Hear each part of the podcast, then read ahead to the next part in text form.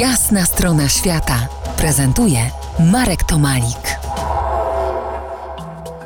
Opowiadam dzisiaj o polarnej ekspedycji Sir Ernesta Henry'ego Shackletona, która przeszła do historii jako rozpaczliwy bój człowieka o przeżycie.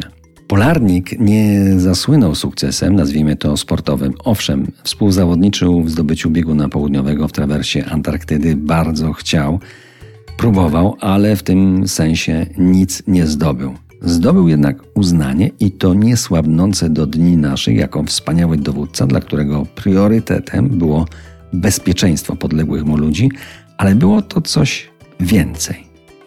Shackleton miał bardzo silną osobowość, potrafił łagodzić spory i nie dopuścił do załamań nerwowych swoich podopiecznych, szczególnie w tej słynnej wyprawie, o której wcześniej opowiadałem, kiedy półtora roku wracali spod Antarktydy pieszo i na szalupach do przyczółka cywilizacji, czyli do miejsca wyposażonego w okręt i łączność z naszym światem. Wrócili wszyscy bez odmrożeń i bez większych defektów psychicznych, ba nawet może wzmocnieni.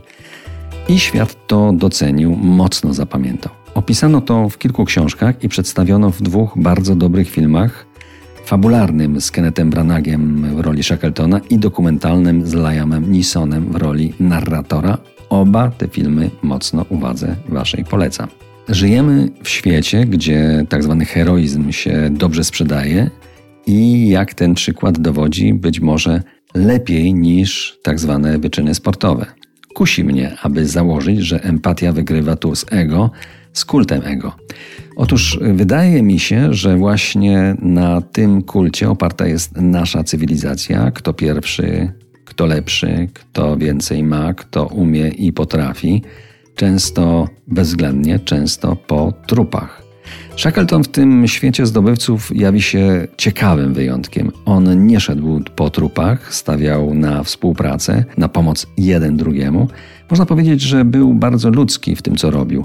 Ktoś inny mógłby powiedzieć, że to dzięki takiej postawie nie zdobył bieguna i nie strawersował Antarktydy. Można i tak to wyświetlić. Oczywiście takich Shackletonów trochę było, na przykład w świecie spinaczki wysokogórskiej i nie tylko, ale o tym może innym razem. Na koniec rozważań chciałbym wrócić do, do pierwszej części naszych dzisiejszych spotkań po jasnej stronie świata.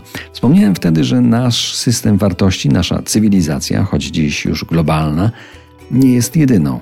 Odmienności można poszukać w tych bardziej izolowanych, pierwotnych społecznościach, gdzie siła przetrwania oparta jest na harmonii ze środowiskiem, na empatii, to jest milczącej współpracy, na niewyróżnianiu się, bardziej na radości bycia w grupie, razem i środowisku wzajemnej akceptacji. Czy to utopia? Shackleton podpowiada nam, że nie. Była jasna strona świata w RMF Classic.